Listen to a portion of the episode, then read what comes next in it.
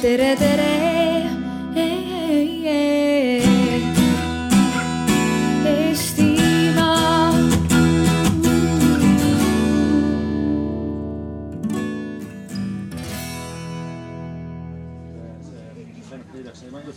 Nii, kolm, neli, viis, tere päevast, hea meel on tervitada teid.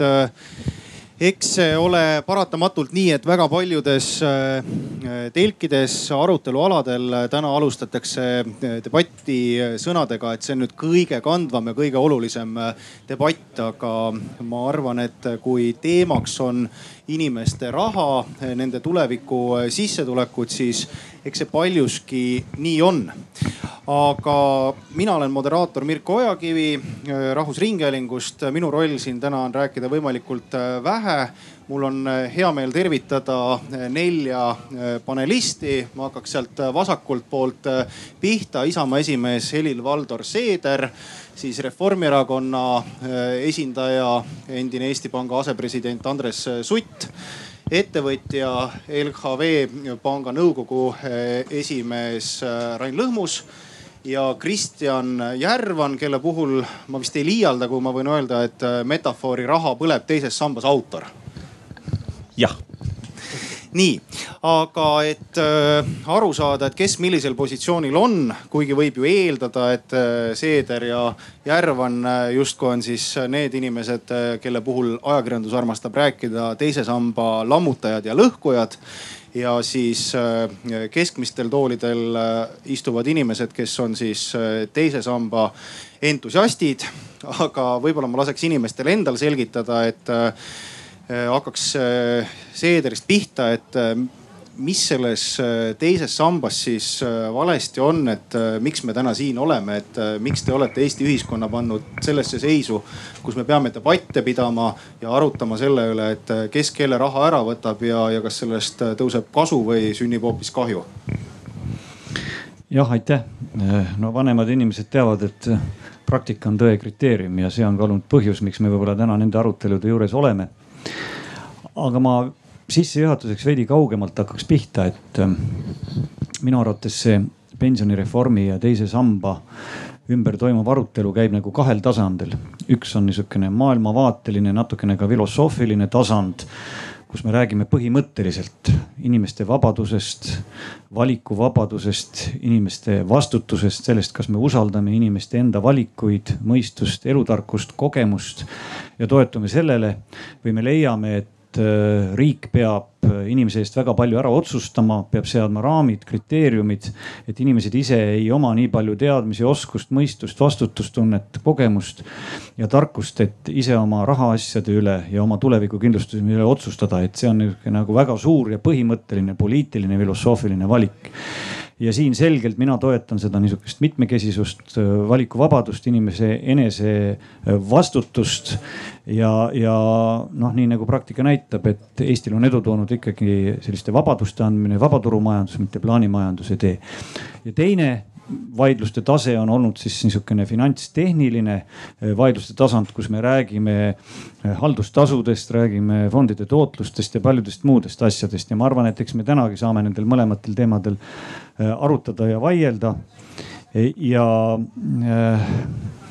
meie erakonna ettepanek on olnud reformida seda pensioni teist sammast siis sellisel kujul, ma hästi lühidalt võtan selle kokku, et teise sambaga liitumine ja sealt lahkumine oleks inimestele sisuliselt vabatahtlik. Need, kes usaldavad tänast süsteemi, leiavad, et see on hea ja toimiv, nendel jääks võimalus samamoodi edasi tegutseda, nagu seni on tegutsetud, selles mõttes midagi ei lammutata.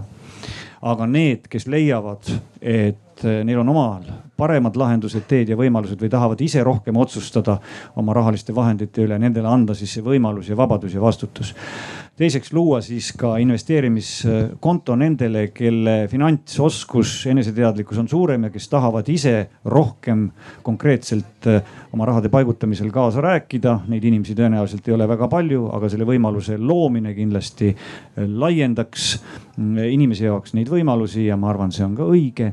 ja kolmas, et vaadata üle ka tänased äh, väljamaksed pensionifondidest ja sõlmitud lepingud, need tingimused. nii et ma võtaks selle jutu kokku sellega, et me ei taha mitte lammutada teist sammast, vaid vastupidi, me tahame luua inimestele avaramad võimalused säästmiseks ja motiveerida neid rohkem säästma ja anda neile rohkem valikuvõimalusi, kuidas paremini säästa ja oma tulevikku kindlustada. nii, aitäh. Andres Sutt, millise osaga Seederi plaanist või koalitsiooni mõtetest või ma ei tea, räägime jah Seederi plaanist praegu, te nõus olete ja milles osas te juba praegu, millises osas te juba praegu ütlete, et äh, see on see koht, millega ei maksaks tegeleda? Tere kõigepealt. Äh, ma olen nõus päris paljude asjadega, mis puudutab pensionisüsteemi paremaks tegemist. Äh, siin oli juttu väljamaksetest, siin oli juttu investeerimiskontost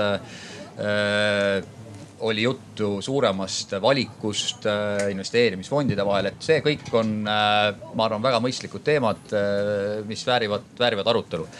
Et võib-olla ma nagu alguses rõhutan ka seda, et kui me vaatame ähm, seda pensionireformi, siis see on Eesti selle sajandi majanduspoliitilistest valikutest euro kasutusele järel kindlasti kõige suurema kaaluga see mõjutab nagu ülioluliselt äh, seda, milline on meie pensionäride tulevik, nii tänaste kui, kui ka tulevaste. Äh, see mõjutab seda, kui palju me tegelikult suudame rahvuslikku kapitali Eestis luua.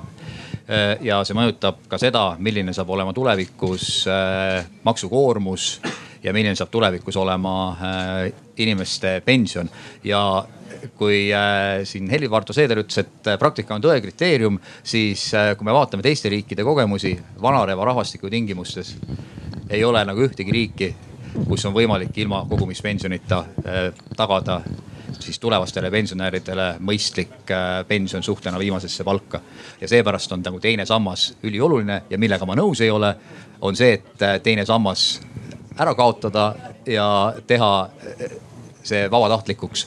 et see puudutab äh, mõlemat pidi, see puudutab investorite äh, siis äh, ka haldurite, fondihaldurite otsustuspõhimõtteid, et kui ei ole teada, kas tegelikult seda raha sinna jääb või see võetakse mingi hetk välja, siis see kuussada miljonit, mida täna on Eesti pensionifondid investeerinud Eesti majandusse, seda ei oleks ilmselt tehtud, et see oleks investeeritud kuhugi mujale.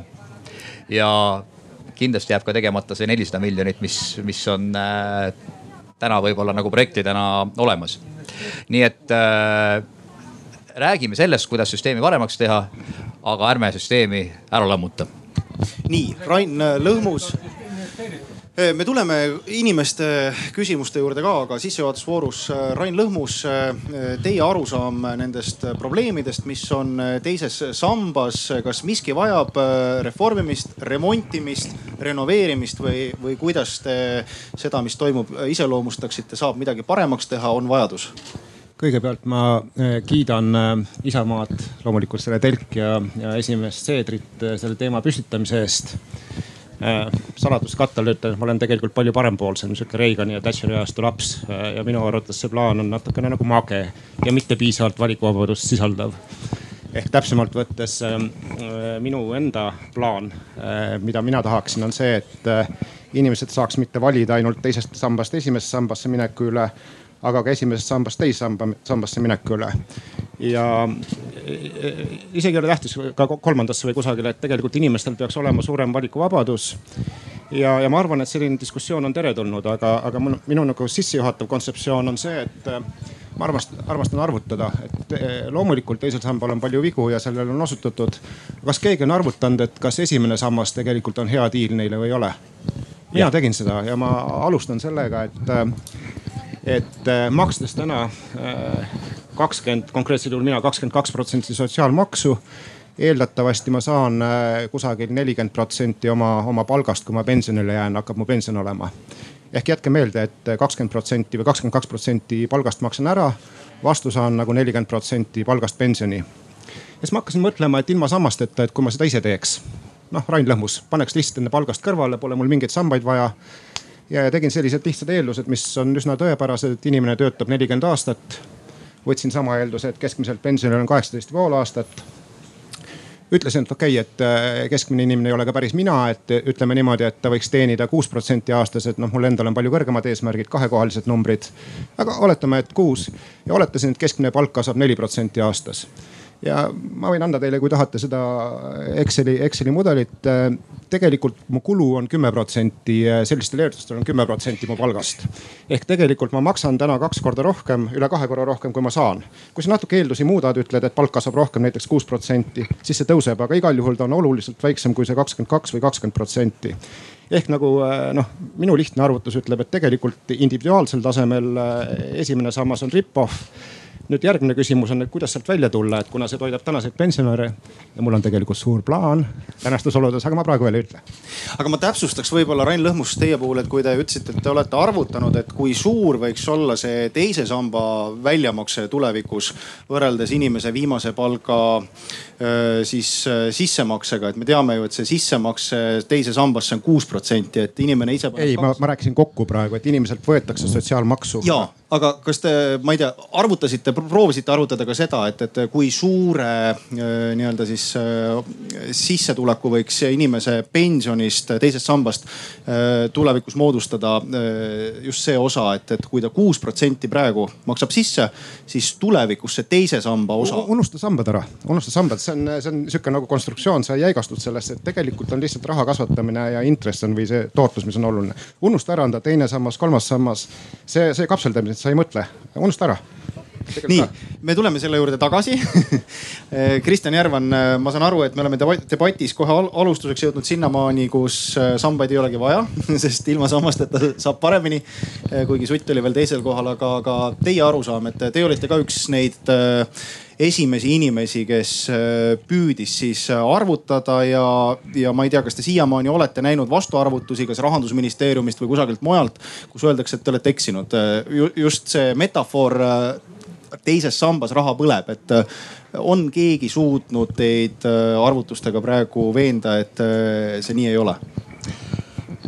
selles raha põleb definitsioon on ikka väga erinevaid. Need, kes tahavad väga teist sammast kaitsta, need vaatavad ainult inflatsiooni, et kas me saame vähem osta või mitte. mina vaatan seda, et äh, kuidas on võimalik kõige rohkem pensione maksta.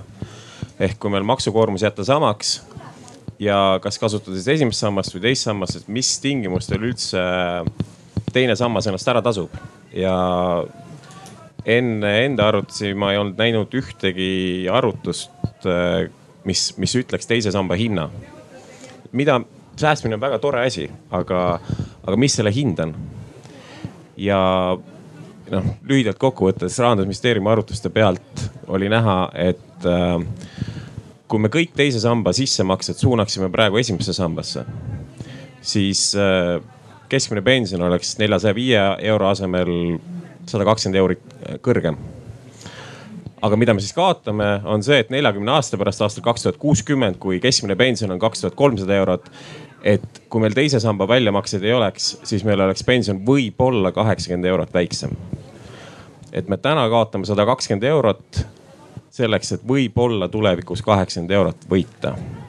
Eh, kusjuures eh, need fundamentaalsed põhimõtted, millel need arvutused põhinevad, on väga teise samba äh, teise samba poolt. sealt see asi nagu pihta hakkas, et et miks me teeme seda teist sammast, et ähm, nagu Seeder ütles, et ideoloogilised alused on äh, olemas äh,. põhimõte on plaanimajandusel sarnane, et rahvas on lihtsalt loll, et ta ei säästa. peame sundima äh,. nüüd, kui te varem küsisite mult Luminori tänase väite peale, et rahvas on loll ja me oleme ise ka täpselt ei saa, mida me teeme, aga peame müüma. et äh, selle vastu on mul alati see argument, et äh, aga halloo, kust see majanduskasv tuleb? kust tuleb Eesti majanduskasv, see on palgatöötajad, see on ettevõtjad. ja me võtame sellest majandusest raha välja nendelt samadelt inimestelt, paneme teise sambasse kasvama aga probleem on nüüd selles, et teises sambas see raha kasvab kaks pool korda aeglasemalt. et ähm, siin juba alguses äh, Suti sõnavõtust, mina ei tea neid riike, kus on teine sammas ja mis, mis päriselt äh,, kus teine sammas päriselt äh, pensione tõstaks võrreldes siis olukorraga, kus, kus, kus seesama raha kõik suunda, suunata esimesse sambasse. Andres tahab vastata. kõige lihtsam näide, Holland pensioni asendusmäär ehk pensionile jäädes on Hollandis pensionäri sissetulek sama suur, kui on tema palk pensionile minnes. Nende pensionifondide varad on kaks korda SKP-st. Eestis seitseteist okay. no,. ma korra lõpetan enda sissejuhatuse ära ja, ja siis. Äh, palju on Hollandi majandus tootlikum? aga kas me tahame madala tootlikkusega Eesti majandust? huh, okei okay.. meil on kolm kohta erinevus. Läheme kurjaks natuke hiljem, praegu oleme sõbrad edasi. määrab panganduse, mitte pangandus ei määra majandust. Järvan, lõpetage ja, ja siis, ja siis äh, läheme debati juurde ja diskussiooni juurde. ühesõnaga point on see, et, äh, et kui me võtame palgatöötajatelt raha ära ja paneme kuskile indeksisse, siis see peaks olema perpetuum mobile. meil peaks olema äh, võimalik see, kui me laiendame kogu maailmale, siis meil peaks ju olema võimalik see, et kogu maailm paneb oma raha kuskile fondi, mitte keegi maailmas ei käi tööl ja raha lihtsalt kasvab. see on, see on see väike investori unistus, et ma lähen nüüd pensionile, sellepärast et ma olen nii head investeeringut teinud. see ei ole võimalik, see lihtsalt ei ole võimalik. Äh, ja mis, mis äh, Lõhmuse sõnavõttu puudus, siis ma olen täiega nõus. Äh, ettevõtjana jumala äge need pensionärid ja lapsed, need nälgigu umbes, mina ei viitsi neile maksta, sellepärast et minu pension oleks ju palju kõrgem siis. Kristjan, sa ei ole mu plaani kuulnud okay. aga, aga ma, mulle tundubki, et äh, ma tänan teid äh, sellise, ütleme avasissejuhatuse eest, aga see kõige intrigeerivam osa oli just see lõhmuse plaan, et äh, millal me sellest plaanist kuuleme, et kas me kuuleme täna siin, sest mulle tundub, et ega suurem osa inimestest on tulnud siia ju tegelikult ainult ühe asja pärast, sest nad tahavad teada, kuidas nad tulevikus omavad rohkem raha kui siis äh, see äh, negatiivne stsenaarium on. palun väga. kõigepealt ma pakun kõigile, kes tahavad kihlvedu näiteks saja tuhande euro peale ja kihlvedu on hästi lihtne, et, et võrreldes sellega, mis täna te kõik maksate sotsiaalmaksu, mis on siis kakskümmend protsenti või kakskümmend kaks koos selle teise sambaga. ja saate vastu, keegi ei ole vaidlustanud umbes nelikümmend protsenti pensionist. et ise investeerides eelduste juures näiteks see, et, et palgad kasvavad neli protsenti aastas ja, ja te saavutate tootluse kuus protsenti aastas, siis te peaksite kõrvale panema ainult kümme protsenti. kes tahab kihlvedu vastu võtta? ehk tegelikult te maksate täna üle kahe korra rohkem. keegi tahab vastu võtta kihlvedu? meil ei ole nii palju raha. no teeme väiksema, teeme saja peale ah?. teeme. see oligi teise samba esimene eeldus, et kümme prossa pannakse sisse täpselt samadel eeldustel ainult lihtsalt te, tegelikult ma tahangi lahti võtta, et, et jah, et, et ei ole mõtet rääkida nagu sambast, et peaks küsima, mis see tähendab nagu, et, et ma ka ei ütle, et on väga head tööd tehtud aga me võime selle juurde tulla, et miks ei ole, aga, aga ka põhimõtteliselt on suhteliselt lihtne matemaatiline põhimõte, et eelkogutud süsteem. ideaalis ma näeks, et riiki poleks vaja, iga inimene, iga inimene ise kogub, ma arvan isegi, et Isamaa toetaks seda. et äh, nimetagu ükskõik kuidas selleks äh,, ma arvaks, see oleks kõige parem aga, aga lihtsalt põhimõttena tegelikult äh, see niisugune jooksev süsteem äh, on tegelikult väga halb. ja nüüd on äh, järgmine suur, suur teema on, et kuidas sellest välja tulla, ma saan aru, et ma muuseas vaatasin näiteks, et riik on Rain Lõhmusele võlgu umbes sada üheksakümmend tuhat täna esimeses sambas ja kui ma nüüd ütleks, et, et aus, aus oleks see, et ma võiks valida, kas ma oma pensioni küpsetan siis esimeses sambas, teises või kolmandas. ma peaks saama liikuda, eks ole, seal nende vahel, tundub loogiline nagu valuutagi on konverteeritav kahes suunas, mitte nagu rubla ainult, et ühes suunas äh, iseenesest on õige ja, ja keegi ei vaidle vastu ilmselt, et, et, et kuidagi on õige. nüüd probleem on see, et kui ma jätaks oma. mina vaidlen vastu. miks, vaidle kõigepealt vastu. sellepärast, et sa ei saa inimesi nälga jätta, et osadel ongi, kes, kellel on mingi in, invaliid, väike palk, mis iganes. Äh, ja kui, kui ainult selle pealt tõstab oma esimest sammast, siis tulevikus ta jääbki nälga. ja loomulikult hästi kõrgele palgalistele on ilgelt mõnus see, et ma ei pea mingeid vaeseid üleval pidama, vaid kõik raha, mis ma saan, korjan endale ja lähen koju sellega. ma räägin keskmisest inimesest ja, ja ma, ma tulen selle juurde, et nüüd on küsimus tegelikult, et ma olen nõus, et seda ei saa nagu äh, või me arvame, et seda ei saa teha.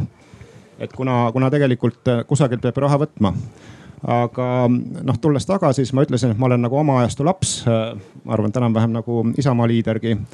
ja, ja tol korral üks äh, Mart Laari iidol oli, oli selline inimene nagu Milton Friedman, kes üks kakskümmend aastat tagasi äh, äh, tegi plaani, kuidas privatiseerida siis sotsiaalkindlustust Ameerika Ühendriikides ja mõte on, mõte on iseenesest hästi lihtne ja teostatav, et, et näiteks kui mina tahaks liikuda ära esimesest sambast, et riik ei maksa mulle seda rahas, vaid maksab võlakirjades mis vahetatakse raha, rahast täpselt sel hetkel, kui ta nagunii mulle peaks raha hakkama maksma ja, ja tol korral tegelikult nüüd ma tulen, see on täiesti teostatav, Eesti ei ole ka nagu, nagu võlgu. ja, aga tol korral suur probleem oli see, et äh, võlakirjadel on intresse, kes kannab kulu. aga ma ei tea, kas te vaatate ümberringi, et, et mis maailmas me täna elame ja kuhu lähme ehk näiteks eelmine nädal juhtus esimest korda see, et äh, Saksamaa kolmekümne aastane võlakiri muutus negatiivseks, täna on ka. ehk sisuliselt see, et äh, riik võtab võlgu, talle makstakse peale ja, ja tegelikult Eesti kaotab suurelt, et meil ei ole nagu, me ei saa kuidagi sellest kasu, et äh, vastupidi, et ütleme, see madal intressi või negatiivne intressimäär tegelikult äh, töötab meie inimeste vastu. näiteks LHV tõstab selle tõttu marginaale, küsite miks? aga hästi lihtne, et kui me anname sada ühikut eluasemelaenu, meil peab olema rohkem kui sada protsenti deposiite, näiteks sada kümme protsenti ja ülejäänud kümme protsenti me hoiame miinus null koma nelja protsendiga. kes kinni maksab, maksate teie ehk tegelikult täna me oleks olukorras mitte Saksamaa ainult, Soome on näiteks äh, kümneaastane võla, võlakiri miinus null koma kolm protsenti. okei okay,, kolmekümne aastane Soome võlakiri on null koma viisteist protsenti ehk mul on nagu äh, niisugune suur plaan ja ma ei ole ühtegi inimest leidnud, kellel oleks midagi nagu mm, olulist vastu öelda, on see, et äh, muudame sammaste vahel liikumise vabaks inimesed võivad ka ise investeerida, mul ei ole selle vastu midagi, ma ei taha kinni hoida kuidagi. Ja, ja ainuke asi esimesest sambast välja makstes sa ei saa äh,, sa ei saa tegelikult raha, aga sulle antakse pikaajalisi võlakirju. aga pikaajaliste võlakirjadega sa võid minna kusagile panka ja vahetada nad millekski muuks, näiteks äh, ükskõik, kes usub indeksisse, kes tahab tarbida.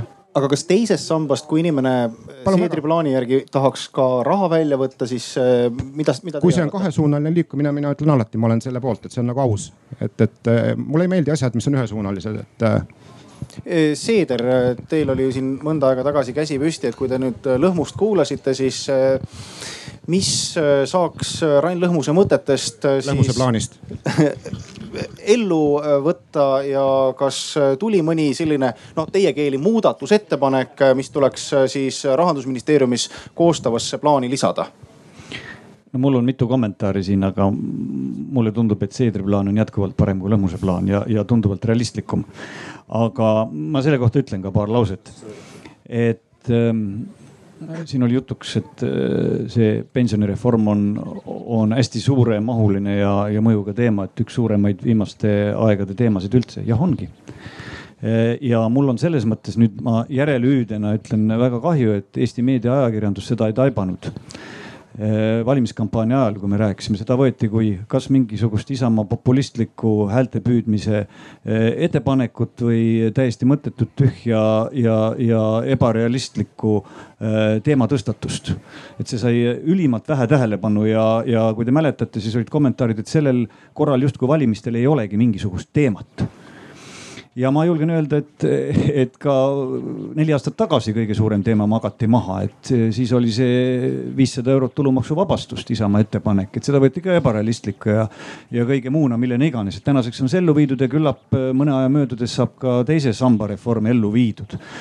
et äh, siin mul kivi meedia ja ajakirjanduse kapsaaeda, et, et tegelikult äh, tuleks nagu ka meie erakonna tõstatatud teemasid tõsiselt võtta, seda enam, et jällegi kordan, tõe kriteeriumis on praktika, me oleme neid ellu viinud.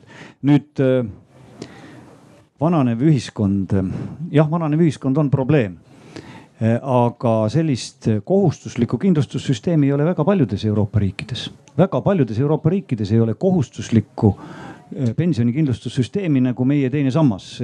loeteluks no, näiteks no, jah, Saksamaa, Suurbritannia, Iirimaa, Tšehhi, Poola, Leedu ja seda loetelu võib veel jätkata, et ma praegu peast lugen, Hispaania, Itaalia, et nendes riikides ei ole. aga on riik... juhin tähelepanu, et näiteks Leedu eelmine kord ma juba rääkisin paar korda tagasi, et äh, seal on raudselt teine sammas samasugune. ei ole samasugust teist sammast. ja paljudes riikides, paljudes nendes riikides on küll tõesti tööandjate pension. mis on sama asi, kogumispension.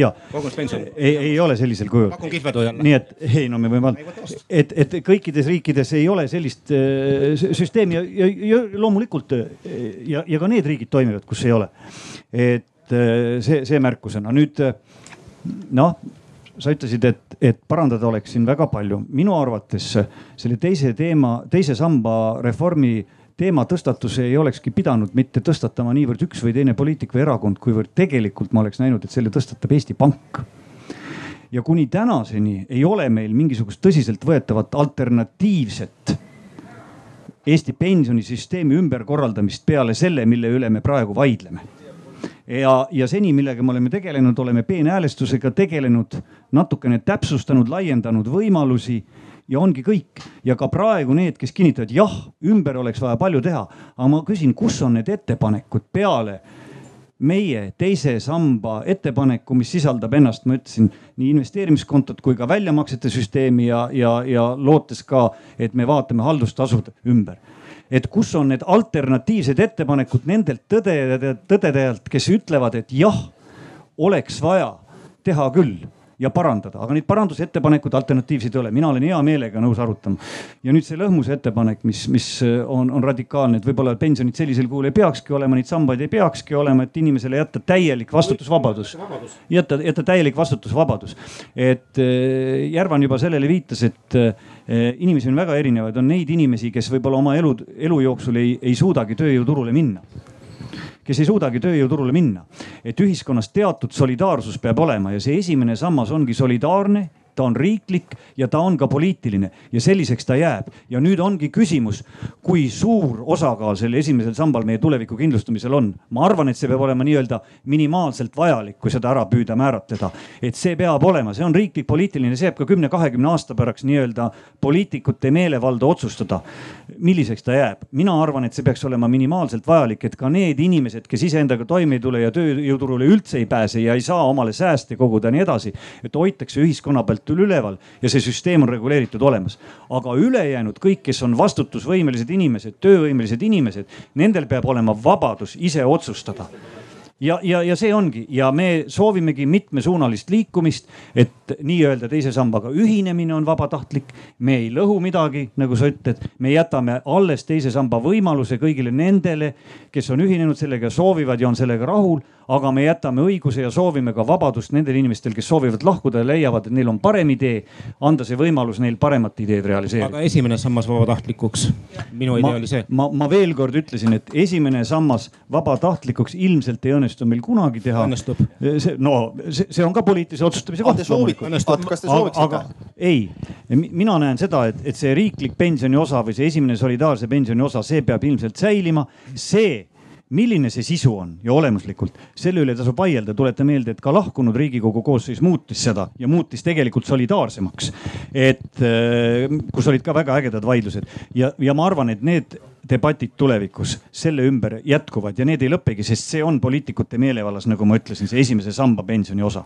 Andres Sutt, kui te seda kõike kuulate. aga ma tahan öelda nii palju, et, et astume kõigepealt selle ühe sammugi, teeme selle teise samba vabaks. Need, kes ütlevad, et oi-oi, me teise sammast vabaks ei taha teha, aga teeme kõik vabaks, et mitte mingil juhul ärme teeme teist sammast, aga teeme esimese samba ka. aga astume ühe samba, teeme teise samba vabaks, vaatame, kui palju tarkust inimestel on, kui vastutustundlikult nad käituvad ja tuleme siis esimese samba idee juurde. sulle meeldib abielu, kus sina ei saa lahutada lahutada ja teine pool saab. ei, vastupidi, vastupidi.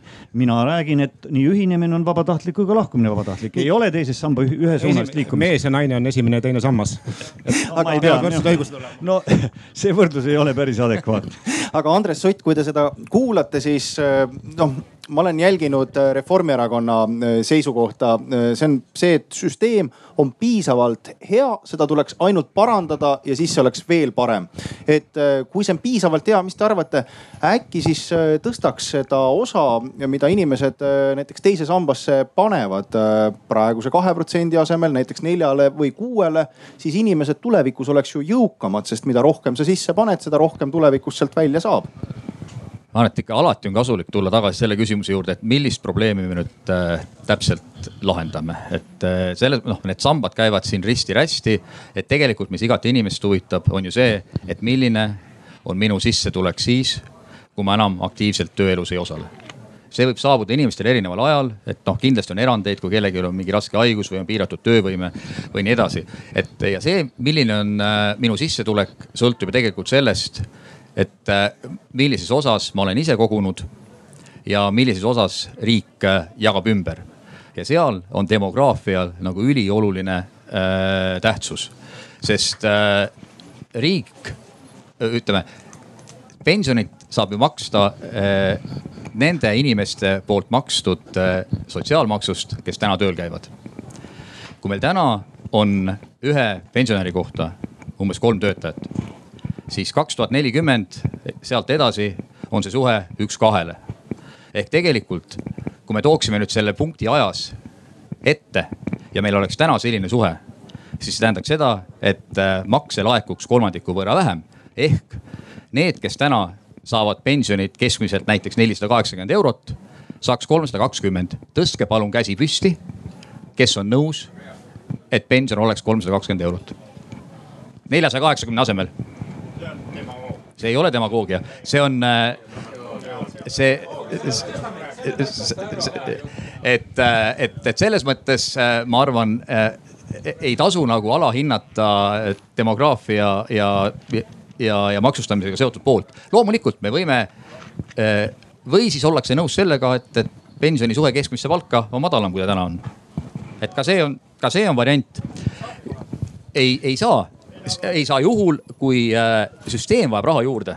Et, et see on olnud, kui ennem oli juttu siin, Helir-Valdor, sa ütlesid ka, et, et ei ole ühtegi riiki või on palju riike, kus ei ole teist sammast, et on palju riike, kus on selle asemel tööandja pension. Ja ma arvan, see on ka üks kindlasti asi, mida, mida kaaluda ja mõelda. ehk et, et, et kui sa küsisid seda selle peale, et kas see võiks olla mitte kaks protsenti, vaid neli või kuus, siis ma arvan, kõik need mõtted mis toovad ja võimalused, mis toovad süsteemi raha juurde, on nagu väga mõistlikud. nüüd sellest vabadusest ma olen kahe käega selle poolt, et inimestel oleks võimalik otsustada, kuhu oma raha paigutada. kes tahab, võib ka ise teha. selle no,, jumala pärast kes, see, et oleks võimalik liikuda erinevate fondide vahel, erinevate fondivalitsejate vahel nii tihti, siis kui nagu äh, meeldib väga,. väga-väga mõistlik ettepanek. et, et, et see, aga me peame nagu selles mõttes olema ausad, et me annaksime nagu aru, et see maksuraha, mida on võimalik praeguse süsteemi juures ümber jagada, see sõltub tööealiste arvust ja nende palgast. see lihtne matemaatika, seal ei ole mitte midagi. pensionite on... riikides ei ole iibeprobleemi. nii, me rahvastiku juurde võib-olla jõuame, aga. mitme pension, mitme süsteemiga riik on olemas. aga on ka pensionita, seesama, mis lõhkutab Kristjan Järvan, et kui äh, loogiliselt asjale läheneda, siis äh, noh, põhimõtteliselt, mis see teine sammas on, see on ju lihtsalt äh, mõningatel inimestel kõrgendatud maksumäär. lihtsalt tulevikuks pannakse rohkem kõrvale, need, kellel on ainult esimene sammas, nendel on väiksem siis pensionisammastesse maksmise määr, et see on selles mõttes ju loogiline, et mida suurem on sinu maksumäär täna või maksemäär, siis äh, tulevikus äh, on võimalus, et sulle on ka kogunenud äh, rohkem, et teie pooldate ka, et, et seda teist sammast sellisel kujul ei oleks, inimene saaks raha välja võtta, esimesse sambasse laekuks rohkem. aga tõsi, kaks protsenti inimese senist kõrgendatud määra jääks laekumata. mis kasu sellest on? kasu on see, et ühesõnaga kui me maksukoormust tõstame järjest, siis äh, see poob aina rohkem Eesti majandust ja äh, kui meil ei ole vaja maksu kõrgemana hoida, vaid meil on, eks oleks efektiivsem viis, äh, siis Eesti kasvab kiiremini. aga ma kõigepealt tuleks tagasi selle lõhmuse plaani juurde, et neid maksud vabatahtlikuks äh, plaane on ju varemgi olnud, aga noh, kui me kõik läheksime Šveitsi maksuresidentideks, sest seal on madalamad maksud. ei ole siis..., sa eksid jälle. okei okay., no ühesõnaga point on selles, et kui me kõik, kõik äh, otsustame, et ärme nüüd enam makse maksa, sest äh, siis mul on rohkem raha. ma ei ole sellist ettepanekut teinud kunagi. põhimõtteliselt on põhimõtteliselt see, et ärme maksa esimest, esimesse sambasse raha, sest saagu need pensionärid praegu ise hakkama see on see, et, et teeme maksud vabatahtlikuks ja saagu ise keegi hakkama. Kristjan, sa praegu väänad, sa väänad okay., ei, ei ole, et äh, ka täna, ka tänaste, ei ka tänaste pensionäridega idee on see, et äh, kui nad tahavad, olgu edasi esimeses sambas, kõik juhtub samamoodi. aga kui nad tahavad, saavad oma kaheksateist ja poole aastase pensioni, mis nad saavad kätte võlakirjades. ja ise otsustavad, kas hoiavad võlakirjades, ta on eraomand, saab nagu pärandada äh,. aga mis siis teistest saab nagu. millistest teistest, kõik saavad. okei lapsed on selle jaoks, väga hea, aga selleks. kellest Kristjan? tänastest pensionärideks näiteks. Nemad saavad ka, kui tahavad. ei, ei need, kes täna juba pensionit saavad. saavad ka, täpselt okei okay., okei okay,, ühesõnaga see on teine teema, ma arvan, et tuleks põhi, põhiteema juurde tagasi, et kas teine sammas. see ei ole tõesti põhiteema, et räägi Põhiteema sellest, kas teine see, et- teine sammas teeb midagi paremaks või mitte, et selles suhtes Sutiga täiesti nõus, et, et mis probleemi me lahendame. Ja kui vaadata seda teise samba eelnõu äh, seletuskirja, kus olid need äh, põhimõtted kirjas, miks teist sammast üldse on vaja, siis seal oli, on vaja Eesti majandust elavdada. no üheksakümmend protsenti sellest teise samba rahast läheb Eestist välja, mitte kuidagi ei edenda Eesti majandust. siis oli, et äh, suurendada investeerimisteadlikkust äh, Eesti elanikel. kui sa võtad inimestelt raha ära maksudega, siis seda väiksem võimalus on neil iseseisvalt kuskil investeerida, kogemusi saada äh,, mida kõike veel. ehk jällegi täiesti vastupidi sellele eesmärgile. ja nüüd on see, et, et see äh, sõltuvalt demograafilisest olukorrast siis pensioni tõstmine. jah, vana äh,, rahvas vananeb ja äh, kui oleks lapsi piisavalt, siis. nõus, nõus, aga süsteem ütleb, et lapsi pole vaja, siis vananebki. okei okay,, okei okay., nõus, aga see on natuke teine teema. ühesõnaga point, sama teema. sellepärast ongi lapsi vaja, et meil on kakskümmend kaheksa aastat olnud pensionisüsteem. ja ma räägin praegu lihtsalt, mis ütleb, et pensionimaksete kasvatamise panus, mis on kakssada kilo euri lapse kohta ehk kuussada kolme piisava kohta, ei loe. okei okay,, see on esimese samba jagamise põhimõtted, see on teine teema see teema, millest ma praegu tahan rääkida, on sellest, kas meil maksukoormus, mis meil on fikseeritud praegu, mis on kõige efektiivsem äh, meetod selle jagamiseks teise samba ja esimese samba vahel. mis toob meile kõige kõrgema pensioni? see on täiesti õige, aga see on teine koht, see on see koht, kus me räägime sellest, et kuidas esimest sammast tuleks jagada. Nii, aga mis mu point on? huvita riigi pension, saate aru, ma tahan ennast ise kindlustada. tehke seda. nii, point on selles, et, et kuidas teise samba kasulikkust mõõta, on selles, et me vaatame igal ajahetkel, kas see raha, mis teisest sambast välja makstakse, on suurem või väiksem kui see raha, mis me sinna sisse samal ajal maksame.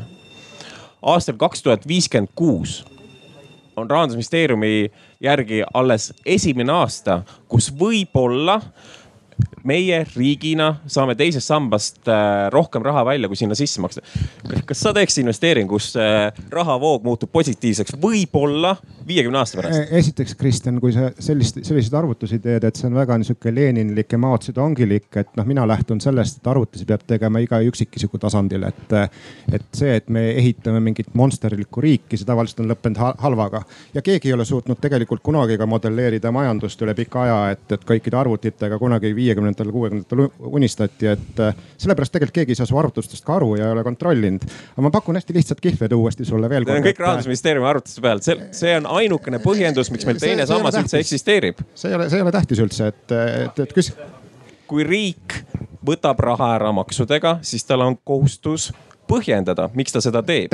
Ja kui ta ei suuda seda põhjendada siis see on alusetu maksustamine. okei okay,, aga minu, minu point oligi see, et, et minult võetakse täna vägisi ära, kõigilt teilt ka, kui te ausad olete, et vähemalt kakskümmend protsenti, mõnelt kakskümmend kaks, et kes vabatahtlikult liitus teise sambaga. aga keegi saab selle raha ju e,. saab, aga, aga see on e,, oot-oot-oot, aga, aga see on ebaefektiivne, kui sa ise looks endal täpselt sama, sama suure süsteemi, saaks ise täpselt sama palju tulevikus. sul kuluks sellest, selleks ainult kümme protsenti ja ma pakun kihlvedu kõigile, et, et see matemaatiliselt nii on. ma paluks niisugust mitte kihlvedu, aga näiteks lapsi üldse ei ole ja siis pööritame raha. ei, lapsed on ka head, aga.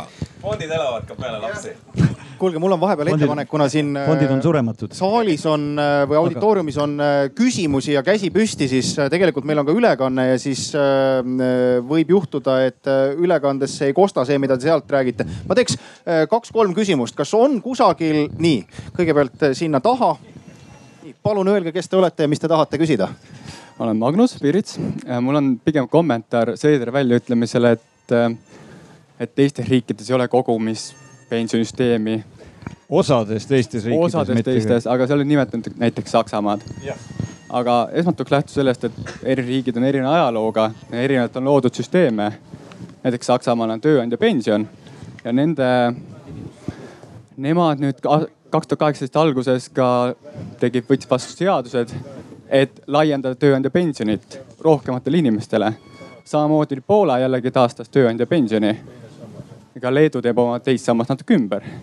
seega inimesed või riigid aina rohkem just suunduvad selles suunas, et rohkem koguda.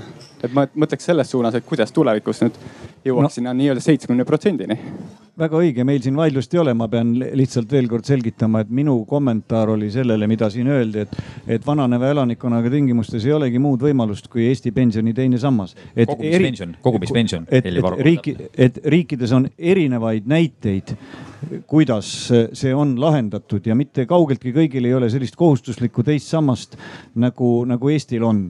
ja, ja veel kord ma ütlen, Isamaa ettepanek ei ole suunatud sellele, et vähem koguda ja kindlustada oma tulevikku.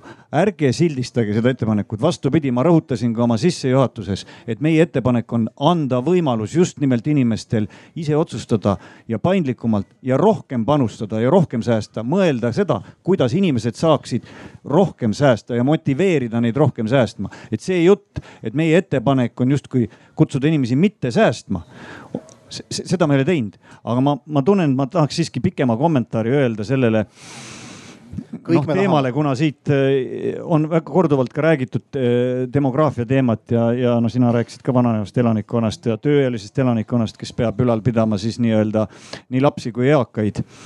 Et äh, räägime siis loodusseadustest. Ja tegelikult jah, tõesti sellist mudelit ja lahendust ei ole olemas, kus inimesi on võimalik rahaga asendada ja see on vale hüpotees, sellist lahendust mitte kunagi ei tule ja mitte ühtegi finantsskeemi mitte keegi välja ei mõtle mitte kusagil, mis hakkaks asendama inimesi.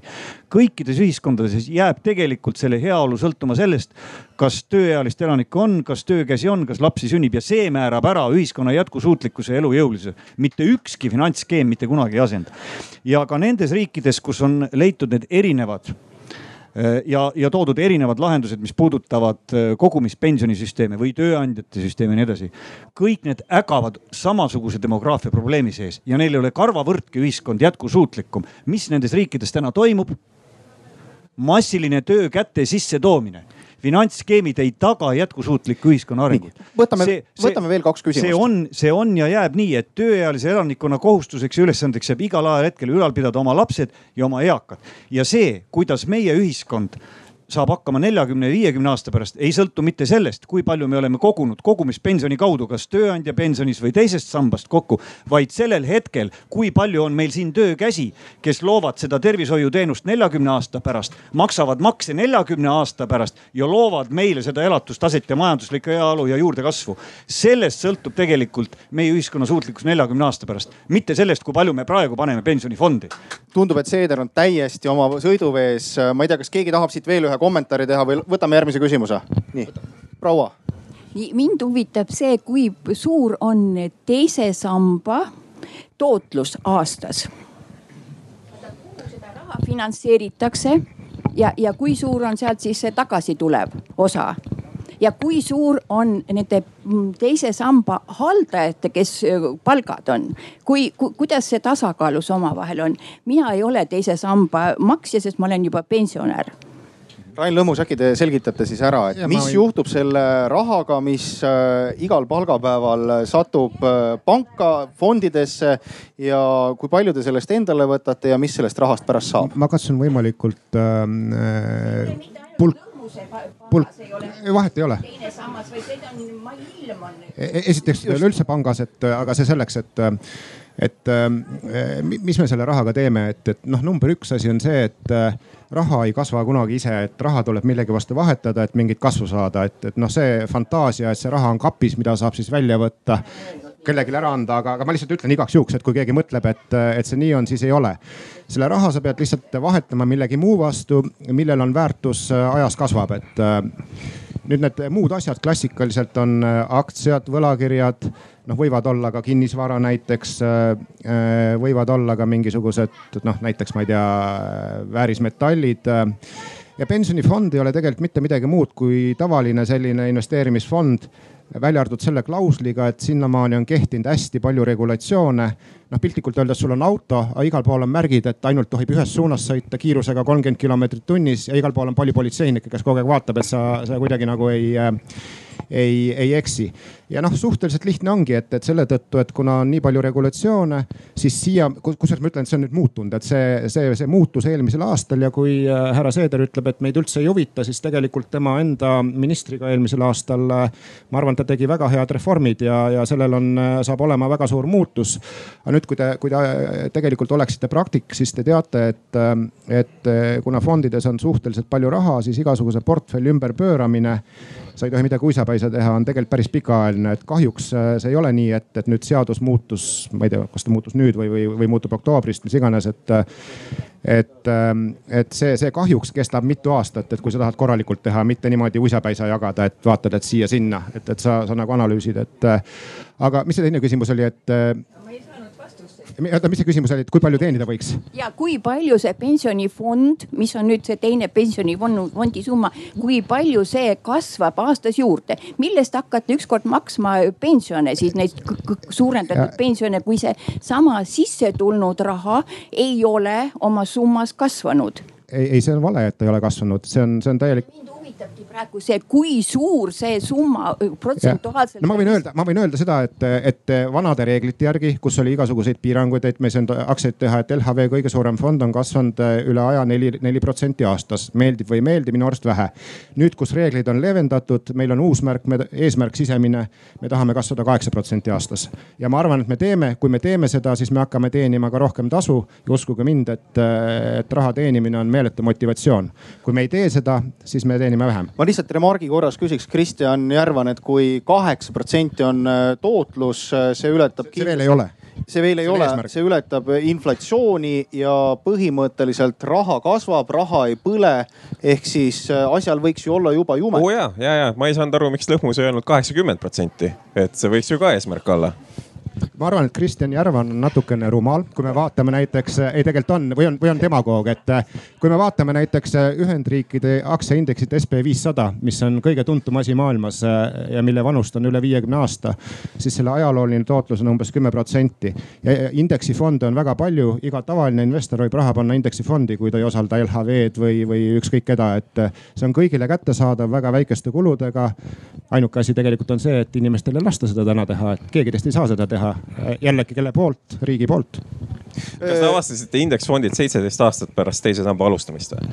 ei, kui, kas te kui, kui nüüd oleks... alles avastate aktsiad ja ütlete, et nüüd hakkab kõik muutuma, sest me ennem ei teadnud, et me tootlust peame tegema? Äh, Kristjan, sa jälle eksid, vaata igal mängul on omad reeglid, et äh, tennisemängus on see, et sa pead. ära, ära palun, ära, ära palun sega vahele et äh, igal mängul on omad reeglid ja siiamaani äh, me oleme äriettevõte, et meie eesmärk on olnud äh, võimalikult oma äri kasvatada. hästi lihtne loogika on olnud, siiamaani number üks on ole natuke parem kui teised ja number kaks kogu oma jõu pane, pane turundusse. Te olete näinud ilmselt inimesi kaubanduskeskustes.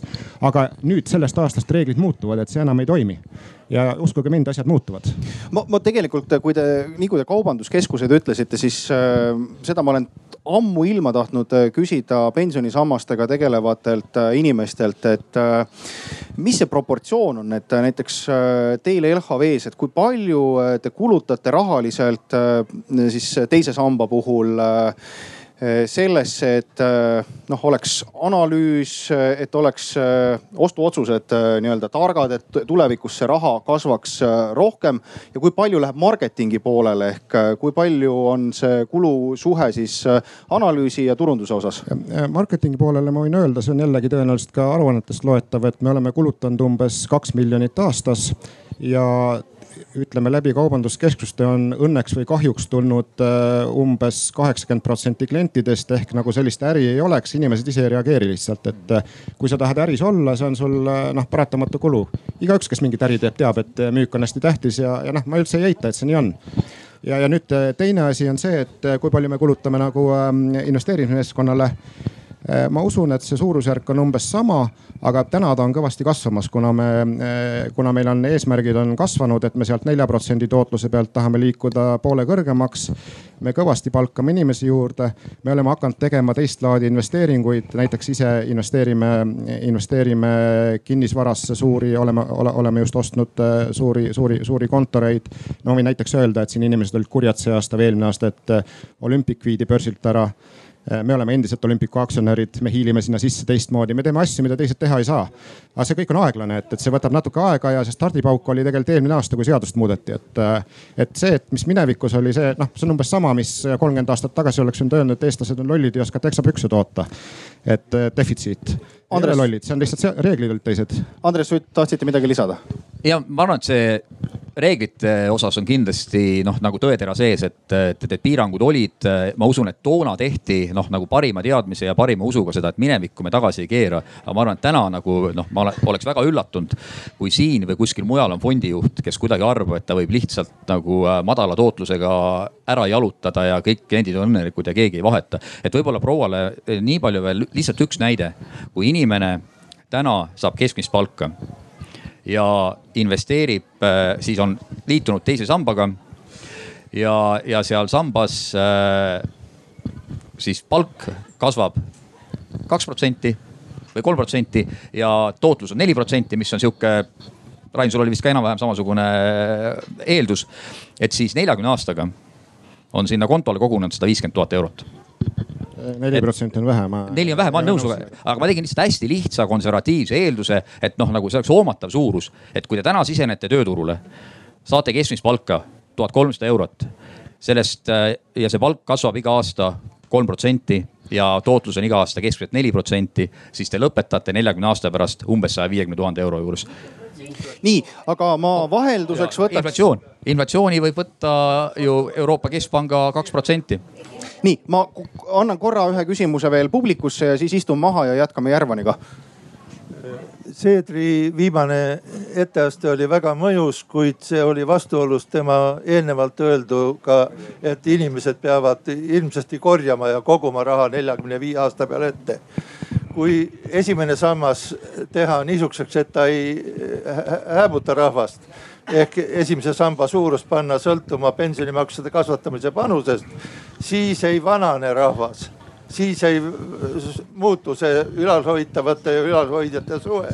ja siis ei ole vaja midagi koguda, sest neljakümne viie aasta pärast esimeses sambas on see täis mats. tahab keegi ma..., tahab keegi kommenteerida? ei no ma olen sunnitud lausa ju selgitama. ma olen sunnitud lausa selgitama, et äh, ma arvan, et äh, kõik me peame mõtlema oma tuleviku peale. Ja säästma ja koguma, kas meil on lapsi või ei ole lapsi, kõik me peame sellega tegelema. Erineval kujul, peame küll, ma arvan. aga nüüd, äh, aga nüüd, äh, aga nüüd see peaks olema iga inimese võimalikult paindlik ja iga inimese enda individuaalsetest vajadustest ja olukorrast otsus, öö, lähtuma ja, ja inimesel peab see otsustusõigus olema, sellepärast et meie elud on kõik öö, väga erinevad ja mis on nüüd selle äh, kohustusliku pensionikindlustuse üks häda, et ta tõepoolest töötab ka no ütleme siis vähemalt kaudselt sellisele demograafilisele loogikale ja elukaarele vastu. Et inimene, kes on kahekümne aastane ja siseneb tööjõuturule, temalt võetakse kohustuslikult siis see raha ära ja öeldakse, et pensionipäevadeks kindlustuseks hakkate koguma fondi tegelikult, millele see inimene peab mõtlema hakkama kahekümne aastaselt, kuidas haridust saada, kuidas eluase sisse seada, kuidas perekond sisse seada, kuidas lapsi hakata kasvatama, ta peaks panustama tegelikult pere loomisesse ja elamisse, mitte suremisse, mitte hakkama valmistuma suremisega ja, ja, ja selles mõttes töötab selline loogika elukaare vastupidi, siis on temal kõige suuremad kulutused ja vajadus kulutada ja siis peab see vabadus ja õigus tal olema. ja säästa siis, kui tal need säästuvõimalused juba tekivad ka hiljem. Ja inimesed ei ole rumalad, inimesed oskavad õigel ajal säästa ja mõelda. nii, see on üks. Ja, ja just. Ja, ja, ja, ja, ja teine asi on see miks ma ei toeta lõhmuse plaani nii-öelda ka esimene sammas, kas teha siis täiesti vabatahtlikuks, et inimesed saavad valida või, või, või, või mitte üldse teda olla, et nad ei peaks makse maksma või kuidas iganes me seda. seda ma ei ole öelnud. jah, et kuidas me seda tõlgendame. et aga, aga sellepärast, et, et ma veel kord tulen selle juurde tööealine elanikkond peab täna kümne, kahekümne ja saja aasta pärast ülal pidama nii eakad kui ka noored. Ja see on ka neljakümne ja viiekümne aasta pärast. Nii. nii. ja, ja, ja, ja, ja, ja, ja sellepärast on, toetan mina seda, et, et see esimene sammas säiliks. Ja neljakümne aasta pärast sõltub pensionäride heaolu sellest, kuivõrd elujõuline on meie tööealine elanikkond, kui palju on meil lapsi vahepeal sündinud, kui palju on siin töökäsi ja kuidas nemad suudavad siis pensioni maksta. mitte mingit teist lahendust ei ole. ma ütlen veel kord, mõtleme tagasi. Need kohustuslikud erinevad, on nad tööandjate kindlustussüsteemid või on nad siis eh, meiega sarnaselt teise samba kindlustussüsteemid, ei ole ka Euroopas vanemad ju kui paarkümmend aastat. et meil ei ole pikka kogemust ja mõtleme nüüd tagasi natuke finantsskeemidele ja süsteemidele viiskümmend aastat. no mõtleme tagasi aastasse tuhat üheksasada kuuskümmend üheksa ja mõelge, mis on juhtunud ja täna pakub härra Lõhmus meile toimivat eh, süsteemi ja ütleb teile, et tooge raha tema panka. viiekümne aasta pärast olete õnnelikud ja saate suurt pensioni. mõtleme tagasi, ühiskondlikud korrad on muutunud, valuutad on muutunud, inflatsioonid, kõik muud. sellist süsteemi ei tule, sellist fondi ei tule, ei ole olemas. nii, Rain Lõhmus. väidab vastu bioloogia. Rain Lõhmus.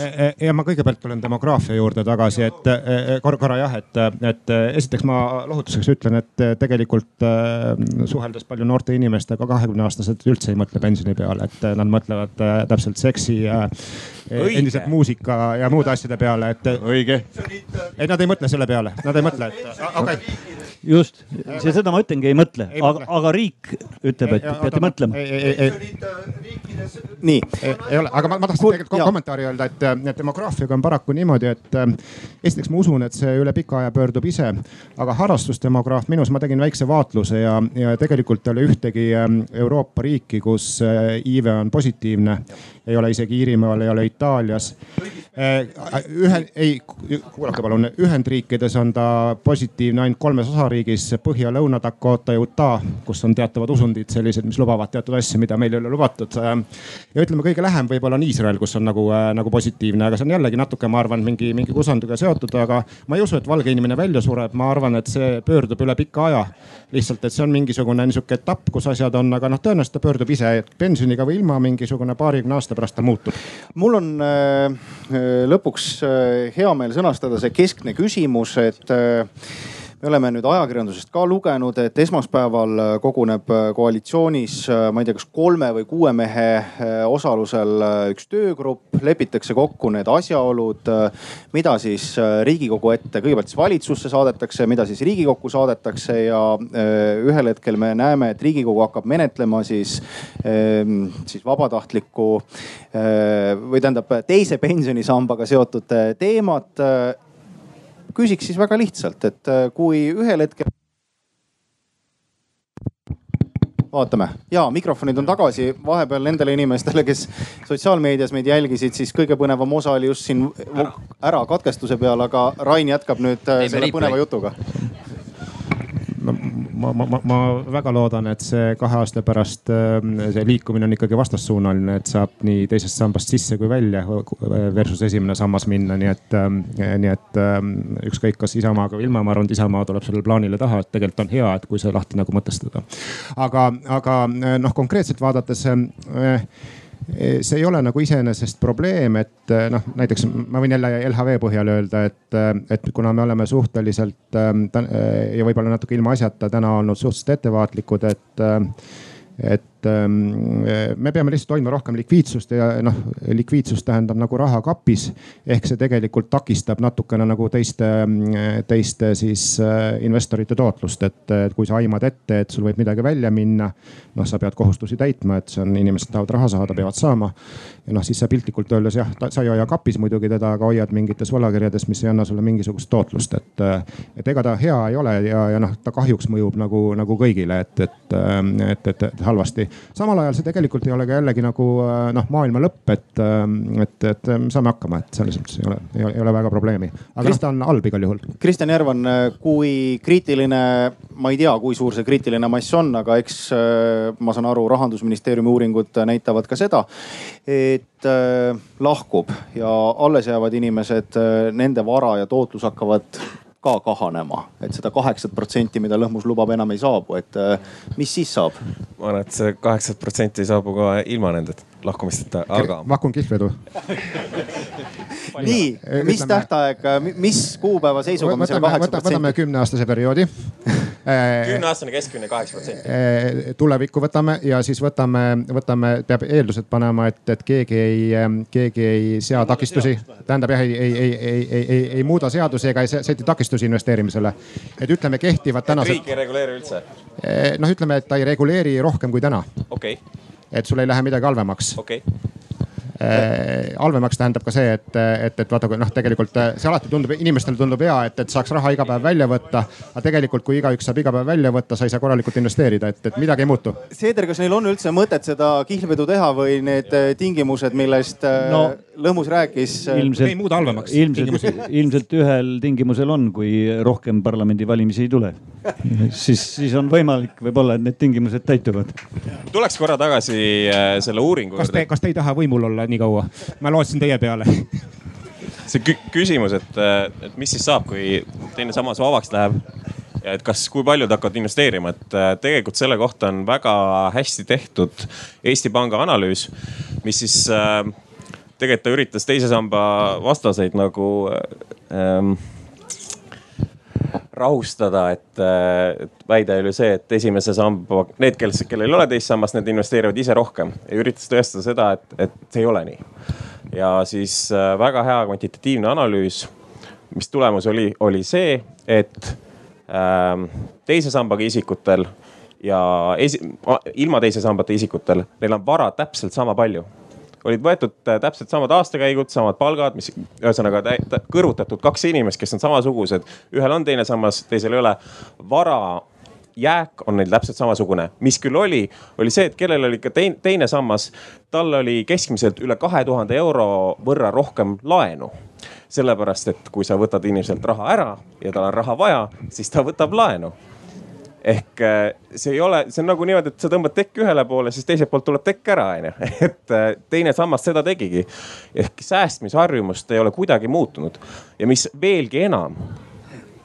Need, kellel on esimene sammas, ainult esimene sammas ähm,. Nendel ju läheb neli protsenti äh, esimesesse sambasse ehk tänastele pensionäridele. ehk ta saab kasutada ainult seda kahte protsenti vabakasutus versus siis see kuus protsenti, mis teisel inimesel läheb teise sambasse. ehk ta investeeris keskmiselt kolm korda efektiivsemalt kui keskmine teise pensionisamba fondijuht. ja kuidas ta seda tegi? Ähm, võtsin arvutuseks, et äh, keskmine palk aastast kaks tuhat kaks, iga aasta paneb kuus protsenti äh, siis erinevatesse investeerimisvahenditesse. ja mis on siis äh, tulemus aastal kaks tuhat kaheksateist? Ähm, see, kelle, kes oli pannud lihtsalt keskmisesse hoiusesse, tal oli äh, tootlus kolmteist protsenti kes oli pannud teise sambasse, oli kaheksateist koma üks. kes oli pannud keskmisesse võlakirja, oli kaheksateist koma kolm, nii et sellest ma ei saanud aru, et, et äh, mingi halva tootlusega võlakirja värk, et äh, sorry, aga keskmisest teise samba tootlusest on see palju parem. mis asi on keskmine võlakiri? Euroopa keskmine võlakiri. mis asi? mis asi on Euroopa keskmine võlakiri? kümneaastane. ütle, mis see on. kümneaastane. fond ei ole. ei ole võimalik pärast saadan teile, okei okay., äh, kuld viiskümmend viis protsenti tootlust ja Tallinna börsi aktsiad üheksakümmend protsenti ja põllumaa Eestis kakssada protsenti tootlust. Ehk kümme korda rohkem kui teise samba tootlus. ja niimoodi tekib inimestel väärtus, niimoodi tekib Eesti majanduskasv, nii et pole mõtet neid peedistada mingi mõttetu maksuga, kes läheb lihtsalt kuskile fondi tiksuma ma arvan, Kristjan, sa peaks fondi tegema, ise haldama hakkama ja kindlasti tuleks sulle palju kliente, et. ei, minu fond me... ongi Eesti aga, aga me. pange ise oma raha. homme me ei saa hakata Saksa majanduses. aga me vist äh,. Saksa majanduses ei ole tootlus kõrge. liigume. ei ole. ei ole, ei ole, kindlasti ei ole. ma ei räägi mitte aga majandust. aga ma tuleks. me tuleme veel küsimuste ja, juurde. kui ma tohin, ma tuleks korra veel tagasi selle juurde, mis, mis sa Helir-Valdor ütlesid otsustusvõimetuse ja võimekuse ja võimetuse kohta. et ma olen nagu sada protsenti päri, et kuna see teema on laual, siis tuleb need otsused ära teha mm.. aga ma usun, et sa oled minuga nõus ka selles võtmes, et äh, üks hea otsus sünnib siis, kui selle aluseks on äh, korralik äh, analüüs on piisavalt infot ja siis sa teed oma valikud. ja ma usun, et korraliku analüüsi tegemiseks tänase võimekuse juures ei lähe meil mitut kuud ega mitut aastat. et äh, need asjad on tehtavad. Ootan huviga, millal see analüüsipaber tuleb mõjuhinnangutega erinevatele versioonidele ja siis saame teemat Riigikogus rahulikult edasi menetleda. ma küsiks ära ka. loomulikult. ma küsiks ära ka tänase päeva võib-olla kõige kesksema küsimuse sellel teise samba teemal, et kas inimesed on ise piisavalt arukad või on inimesed piisavalt rumalad, et ma eeldan, et te olete seda Luminor panga teemat näiteks siis Delfist lugenud, et Rain Lõmmus, kuidas teie oma ettevõttes käituksite inimesega, kes midagi sellist ütleb, et isegi pangas ei ole kõik töötajad võimelised investeerimisotsuseid tegema? kes tegelevad investeerimisega? ma ei, ma, ma ei, ma ei ole seda Luminori asja kahjuks lugenud, ma ei oska selle kohta konkreetselt. see on hea vastus. ei, tegelikult ka ei ole, tegelikult ka ei ole, ma, ma, ma ei ole, ma, ma, ma, ma ei, ma ei loe või ma, ma ei tea, et ma ei, ma tõesti ei tea aga, aga ma üldiselt ma, ma, ma pigem, ma pigem arvan, et inimestele tuleb anda otsustusõigust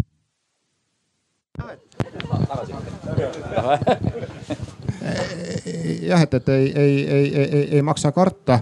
Ja ma arvan, et see on teine mehhanism, et mis peaks toetama neid, kes ütleme siis oma rahad läbi löövad, et ma, ma vaatasin, kuidas äh, kunagi pension Inglismaal tekkis aastal riiklik pension tuhat üheksasada kaheksa ja pensioni maksti tol korral äh, hästi natuke, ma ei mäleta, aga üle seitsmekümne aastastele meestele, ainult meestele. ja elu, keskmine eluiga oli tol korral nelikümmend kaks aastat, see loogika oli, et äh, need seitsmekümne aastased mehed tänavatel ei sureks. et ma arvan, et selline mehhanism peab nii või naa olema, et, et inimestel lihtsalt läheb viltu ja nii edasi, nii edasi. aga see on hoopis teine, teine teema. aga te ise olete teise sambaga liitunud? ja ma olen ise, ise liitunud, ma tunnistan ausalt, et noh, minu pilt on selline, et kuna ma Eestis Eestis viimasel äh, ütleme paariteist aastal ei ole eriti palka saanud, et siis ma vaatasin järgi, et äh, mina hakkan pensioni saama tuhat kakssada eurot, kui kedagi huvitab. millest umbes äh, kakssada on teine sammas, kakssada on kolmas sammas, ma kunagi eksperimenteerisin ja kaheksasada saan riigilt ja arvutasin välja, et riigi võlg minu ees on sada üheksakümmend tuhat, mida ma varsti tahaks välja võtta nii, aga ma ei tea, kui minna veel filosoofiliseks, siis äh, tänase päeva teadmine, et äh, ja võib-olla ka maailma eelnev praktika, et äh, kuna inimesed tegelikult on ju ikkagi tulnud siia, ma eeldan, ainult ühe vastuse järele, et kuidas tulevikus olla jõukam, kuidas elada paremini, et kas jõukust üleüldse saab nagu üle kanda, et kui ma täna olen jõukas inimene, siis saan ma olla garanteeritult, kas siis ma ei tea, teise sambasse, kolmandasse sambasse, kuhugi mujale raha paigutades saan ma olla kindel, et tulevikus äh, mul on raha ja, ja ma saan äh, nii endaga kui, kui ka oma lastega hästi toime tulla see, see on tegelikult hästi raske ja filosoofiline teema, et mul on näiteks äh, laste ema, et, et kellega ma elan lahus. noh, ja, ja, ja vot alati on niisugune, et sa pead nõu andma kellelegi, kes, kes vastutab laste eest.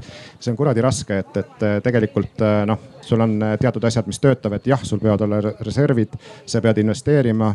aga sa pead seda hoolikalt ja hajutatult tegema, et aga see on nii, ma, ma, ma ei saa siin nii kiiresti nagu, nagu rääkida, aga, aga see on tegelikult oluline teema. aga fakt on see, et sa pead nagu vastutuse võtma ja tegema, et, et sa ei tohi nagu loota, ma ei tea, millele no,. riigile ka mitte jah. kui tahad Saksa jõukust, siis tee Saksa majandus. nii. me teemegi seda, ma loodan. Sutt. ja et ma arvan noh, samamoodi, et, et see on ikkagi noh, lõppkokkuvõttes peab ikka täiskasvanud inimene peab mõtlema enda peale, oma vanemate peale, oma laste peale ja noh, nagu mõistupäraselt käituma. kas see tähendab, et lõpuks läheb kõik hästi? mina ei oska seda täna öelda aga ma arvan, on väga vastutustunnetu lihtsalt nagu mitte midagi teha ja mõelda, et äkki kuidagi keegi kuskilt ja eriti kui see keegi peaks olema riik. et ma siis lähen sinna valimiskasti juurde ja seal nagu äh, ütlen, hääletan selle erakonna poolt, kes lubab mulle kõige kõrgemat pensioni. noh, ma arvan, et see nagu ei ole sihukene vastutustundlik äh, käitumine, nii et äh, paiguta hajutatult, noh kogu, mõtle läbi rahulikult ja, ja, ja noh, siis sa vähemalt võid endaga nii palju rahul olla, et ma tegin nii hästi, kui ma oskasin ja, ja kui asjad tulid välja nagu super äge, kui noh, saabus maailma lõpp, noh siis ta saabus, et, et, et sa neid asju niikuinii mõjutada ei saa. Seeder no härra Sutt andis nüüd siin oma jutu sees ka hinnangu viimastele valimistele, aga. mis võtmes? aga no mõtle natuke aga ei sellist igavikulist äh, iseeneslikku äh, jõukust ei saa küll keegi garanteerida, lubada, olgu see riik või pank või, või, või mingisugune isikute grupp, et inimene peab olema noh, paindlik ja, ja võimeline ise otsustama, ise vastutama reeglina ja, ja ühiskond kollektiivselt peab ülal pidama siis need, kes endaga hakkama ei saa. et see on ja jääb nii ja mingit, mingit stabiilsust luua ka ka kõige jõukamates ja heaoluga riikides eh, ei ole võimalik, sest ka riigid sõltuvad vastastikku teineteisest ja paljud protsessid ei ole ka riikide endi juhtida, nii et, et seda aega, seda niisugust äh, paradiisi aega ilmselt maa peal me kunagi ei näe. nii, Kristjan Järvan, teie rahatarkus, et äh, kuidas olla tulevikus rikkam kui täna või vähemasti siis sama rikas kui täna, eeldusel, et inimene on rikas okei. Äh, mina ütleks seda, et kui sa lähed äh, tänavale ja küsid tuhandelt inimeselt, et mis on äh, tänavuse aasta majanduskasv, siis aritmeetiline keskmine on täpsem kui rahandusministeeriumi prognoos. ehk äh, mütoloogilisele keskmisele inimesele ütlen ma, et äh, usalda oma sisetunnet ja kõik läheb hästi. nii, minu ettepanek veel küsimused. nii, siin kaks härrat, kõigepealt tutvustage ennast ja küsige. Indrek Pauts, Mardi Öko talu, sotsioloog, filosoof küsimus, kas Eesti Pank, kui ta võrdles teise sambasse panustanute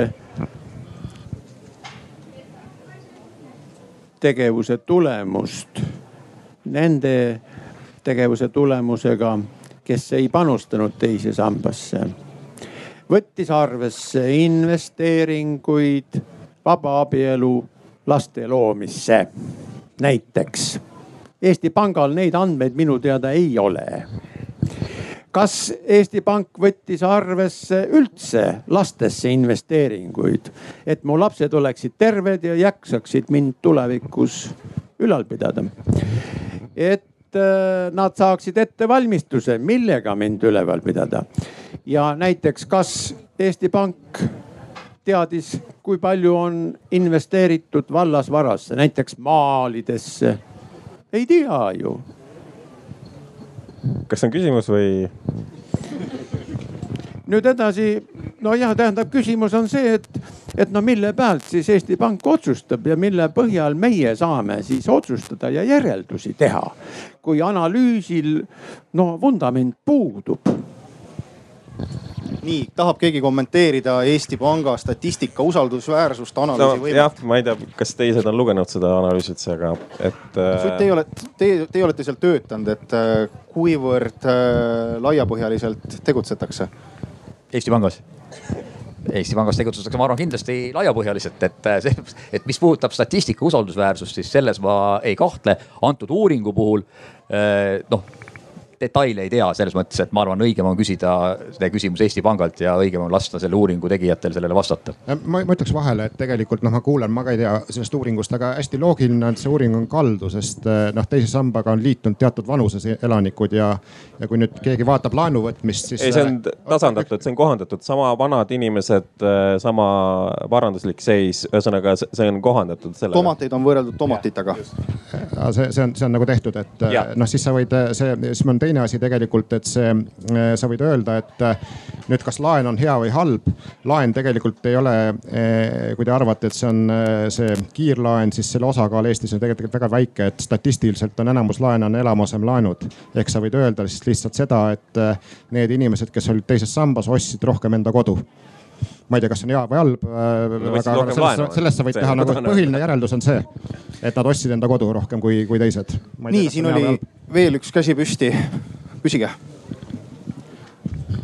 tere, ma olen Mati Nappus, ma olen Saue linnast, mind on äh, kaheksa korda kohalikku volikokku valitud. ma tahaks härra Seedrit äh, tõesti äh, kiita, tema mõtted on täiesti normaalse inimese loogilised mõtted. aga mida siin meil härra Lõhmus räägib, esindab panka. kuule, härra noormees, minu aeg, minu elu jooksul on viis korda on raha langenud, viis korda on inflatsioon olnud peaaegu nulliks läinud ja te räägite midagi. me ei tea iialgi, mis tuleb muidugi õige on, tuleb investeerida, mina isiklikult olen ka püüdnud investeerida. lapsed ja kui teie panete sinna praegu igasugused fondidele veel lastele makse, need juurdekasv lastel ei ole. lastel on, noortel on praegu põhiline häda on see, et nad on orjastatud absoluutselt. Nad peavad käima peaaegu üks neljandik oma elust koolis õppima. Ja siis tuleb välja, et seda ala ei olegi vaja. Ja mis on, kes on süüdi, on süüdi härra Lõhmuse kamraadid, need on absoluutsed pangad on inimkonna ära rikkunud. Eesti Vabariigis vähemalt, aitäh see, ma ei tea, härra Lõhmus, kas te tahate? kas ma enesekaikseks võin öelda, et võib-olla ma näen nooruslik välja, aga tegelikult ma ei ole noormees, ma olen viiskümmend kaks, et äh, ma ei tea, kas, kas aitäh komplimendi eest, aga äh, teiseks on ka mul päris mitu last, nii et äh, rohkem kui keskmiselt, nii et, nii et sellega ma olen ka nagu, nagu õigel poolel. ja noh, kuigi ma olen jah töötanud pankades, et tegelikult ma oma mõtetelt ja elulaadilt ei ole kuidagi pankur, et mulle pankurid ei meeldi ausalt öeldes, et kui aus olla, et seda ka. aga, aga samal ajal noh, ma võin jälle jällegi öelda, et, ähm, et äh, selles ähm, džunglis, mida kutsutakse kapitalismiks ja mida me elame, et äh, noh, mul on teatud vilumused ja, ja oskused, et. Ähm, ja, ja noh, ma mõtlen, et, et kui, kui, kui ka teised neid rakendaks et, et võib-olla oleks kõigil elu natuke parem, et ma arvan, et ikkagi nagu kuulata tasuks, et, et ma ei tea, nagu, nagu Drake räppis, et, et, et vaatame mu ajalugu, mis eristab mind äh, sellest mehest, kellest ma olen rikkam. noh, küsige, mis eristab ma küsiks võib-olla äh,. ma, ma, ma tahan lihtsalt öelda, et härra Lõhmus viilis äh, vastusest mööda, et tegelikult tuleb ausalt tunnistada, et pankurid ja poliitikud olemuslikult on igal juhul süüdi ma, ja, ei ma, ma just ma, tahtsingi tegelikult seda asja. ma ei vaielnud vastu. ma tahtsin seda asja just teravamaks ajada, et siin praegu Seeder tõi ka oma naha turule, aga eh, seda, selle teise samba debati puhul, kui palju te olete mõelnud selle peale, et praegu see avalik arvamus, kui vaadata kasvõi siin, siis eh, fookus pöörati pankuritele, ka Järvan ütleb siin, et pankurid. et kui palju te olete mõelnud, et eh, mille pärast üldse see debatt nüüd viimased aasta ja tegelikult äh, Seedri suu läbi ka natukene rohkem teda lihtsalt ei kuulatud ja esialgu vist isegi ei avaldatud, kuna peeti neid ideid äh, väga radikaalseks. et olete te mõelnud, et äh, millal see õige aeg oli, kui oleks pidanud need muudatused ära tegema, millest räägib Sutt ja täna me ei oleks siin? ma kõigepealt ütlen, et tegelikult pankur või mittepankur, et LHV alustas kunagi sellega ja et me üldse litsentsi saime, me pidime võtma kampa endale Euroopa arendu-, rekonstruktsiooni arengupanga, meil ei oleks keegi litsentsi kandnud, me ei olnud pank tol, tol korral et me olime mingid väiksed tegijad, keda keegi ei usaldanud, et, äh, et, et noh, selles mõttes äh, ärge nüüd öelge. aga ma arvan, et ei, see diskussioon on hea ja, ja, ja tegelikult äh, ma praegu hakkasin mõtlema, et, et ma ilmselt teeks härra Seederile ettepaneku niimoodi tund aega omavahel vestelda, võib-olla ilma ajakirjanduseta mul siiamaani on õnnestunud ka päris, päris hästi inimesi veenda, võib-olla ma veenan milleski, võib-olla ise, ise veendun milleski, et, et, et selles mõttes ma arvan, et tegelikult need äh, need lahkarvamused ideoloogiliselt ei ole väga suured. ma isegi lugesin Isamaa programmi, mulle, mulle tegelikult kõik, kõik üldiselt meeldis seal enamus. et täitsa nagu. Äh, andsite ka hääle nende poolt? ei, ei andnud, äh, ma ei hääletanud, ma ei hääletanud, et ma ütlen ausalt, ma ei ole hääletanud viimasel ajal, et äh, et ähm, see äh,, aga äh, noh, mis ma arvan lihtsalt on see, et, et minu arust nagu debatt on, on rohkem täpselt selles, et inimestele anda valikut, et kui sa keskendud äh, ainult nagu ütled, et nüüd see teema on teine sammas, et noh, minu arust on see, et sa Coca-Cola asemel hakkad müüma dieetkokat. mõlemad on kahjulikud, et, et noh, et see, see ei muuda elu paremaks. aga kui see saladus ei ole, siis äh, ma ei tea, kas Seeder võtab teie ettepaneku vastu, on teil, härra Seeder, täna aega Lõhmusega kohtuda? kunagi hiljem, ma ei. kunagi hiljem? jah, ei, täna ma... ei ole, aga hea meelega ja. aga ma ei võta. rohkemgi kui tund aega, aga ma ühe faktilise täienduse tahan öelda, et, et mina olen algusest peale olnud selle nii-öelda kogumispensionisüsteemi Eestis sellisel kujul sisseviimise vastu, aga esimest korda ma seda ütlesin välja siis, kui kui, valitsus arutas kärpe-eelarveid kahe tuhande kaheksanda, üheksanda aasta kriisi ajal ja peatati need riigipoolsed maksed. ma ütlesin, et see on õige aeg, kus teist sammast reformida. Noh, mind tõepoolest ei kuulatud, hiljem ma olen sellest kirjutanud ja hiljem on hakatud mind ka avaldama. aga kui see saladus ei ole, ma üldse ei pretendeeri vahemeheks, te saate ise hakkama, aga, aga üks-kaks ettepanekut, et mida te Seederile soovitate, enne kui te nüüd esmaspäeval Reinsaluga koos jah, lähete koalitsiooni kõnelustele, koalitsioonipartneritega kõnelustele, et on teil mingi üks-kaks soovitust, et millest alustada, äh, alustada? Ega mul on see suur soovitus on ikkagi natukene nagu noh, ma näen, et ideoloogiliselt me oleme samal lainel, et, et noh, suur soovitus on natuke julgemalt mõelda, et, et, et ärme mõtleme Coca-Cola asendamisest Diet Cocaga, mõtleme natuke julgemalt, et teeme elu veel paremaks. ja see on tegelikult täna teie kätes, ma arvan, et ma miskipärast arvan, et, et ka EKRE on, on, on selle poolt, et minu arust nad on, ma ei tea, meeldib või ei meeldi, aga minu arust on täitsa mõistlikult mõtlevad inimesed vähemalt majandusteemadel selles suhtes. Ja noh, Keskerakond, ma nüüd ei tea nii hästi neid, et neil on niisugused natukene nagu mm, võib-olla laiemad asjad, aga ma, ma miskipärast ja ma arvan, et Reformierakond on ka pigem nagu niisuguse, niisuguse nagu äh, inimesekeskse äh, süsteemi poolt ja noh, ma veel kord ütlen, et, et ma ei ole nagu selline šaakal, mina ka ei taha tänaval näha nagu kodutuid ja lamavaid inimesi. aga ma arvan, selle probleemi lahendamiseks on palju paremaid viise, kui, äh, kui kuidagi salajasammastesse need probleemid peita. Sutt, on teil mõni soovitus? Te saate muudatusettepanekuid teha Riigikogus, aga siis on vist hilja. ei no hilja ei ole noh, parem hilja kui, kui ja, ja eks ole, just, kui ei keegi, just, et äh, et ma kordan seda, mis ma noh, nagu ennem ütlesin, et, äh, et kõik need ette, ettepanekud, kuidas teha pensionisüsteemi paremaks, on äh,, vajab hästi läbi analüüsida, teha korralik mõjuanalüüs ja et inimesed nii Riigikogus kui ka väljapool saavad aru, et mis on ühe või teise valiku mõju minu tulevasele pensionile. ja siis me saame noh, nagu kas maailmavaatest või muust põhjusest sõltuvalt, eks ole, neid oma eelistusi paika panna. et noh, kõige olulisem on see, et me ei unustaks ära seda nagu pikemat, pikemat vaadet ja, ja seda, missugune on noh, nagu nii tänaste kui, kui ka tulevaste pensionäride pension vananeva rahvastiku tingimustes. et kui meil oleks rahvastik kasvav, see oleks ühed valikud, kuna, kuna meil on rahvastik äh, vananeb, siis need valikud on, äh, valikud on lihtsalt piiratumad.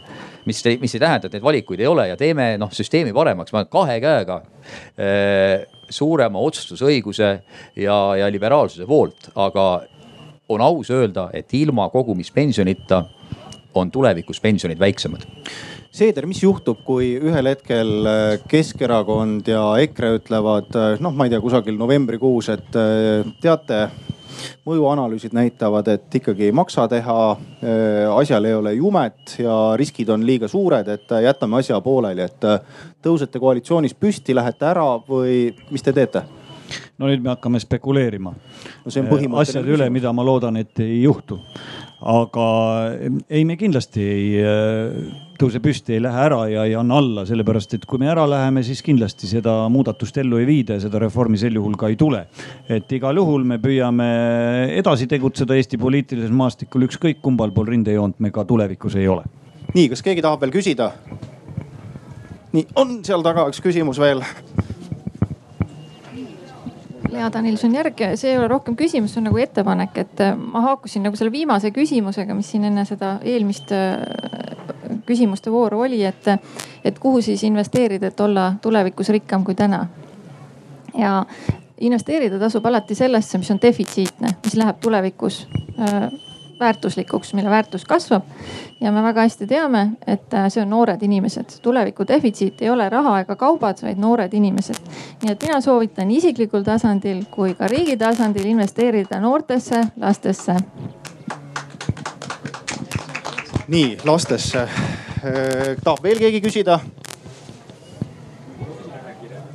et äh, Karl-Sander Kase Isamaast, äh, kergelt oma nahka mängus selle vaidlusega olnud. aga üks vahe, et ma jäin nüüd Järvani arvutustesse pikemalt ei sukeldu, aga üks hästi suur erinevus, millest näiteks on märgata, et Järvan alati võtab selleks mõõdupuuks nii-öelda mediaanpensionäri. samas kui me loeme Piiritsa või Oja arvutusi, et nemad võtavad keskmise pensionäri. et huvitav, miks selline vahe on? ma ei tea, kas Järvan vastab või? Piirits võib ise vastata siinsamas, aga, aga üldiselt on vahe sellepärast, et äh, teine sammas on ilmselgelt äh,, pooldab neid, kellel on kõrgem palk ja esimene sammas pooldab neid, kellel on äh,, on solidaarsem ühesõnaga. mis tähendab seda, et, et äh, keskmise palgaga isikule, kui sa tahad positiivset stsenaariumit näidata, siis sa näitad teise sambaga versiooni, kui sa tahad äh, mediaan, ühesõnaga, kui sa tahad esimesele sambale näidata positiivset versiooni, siis sa räägid mediaanist. Ja noh, ole, ongi see, et enamasti olen keskendunud sellele tehnilisele poolele ehk siis äh, maksukoormus sama, kumb on mõistlikum, kas esimene või teine sammas. aga nagu siin Seeder alguses ütleski, et mis siin palju ka publikus kõlanud, et, et see, see küsimus, et kas pensionid üldse tuleks maksta, et see on ikka poliitiline, mida Excelisse ei pane, et äh, ma siiski arvan, et et pensioni võiks maksta ja täpselt see, see, igale ühele miinimum, et kedagi maha ei jäeta, et see tundub väga mõistlik. aga mis, mis lõhmuse plaanis on nagu, nagu kurb või nagu kahtlane on see, et, et okei okay,, anname sulle võimaluse põhimõtteliselt pokkerit mängida oma esimese samba säästudega onju.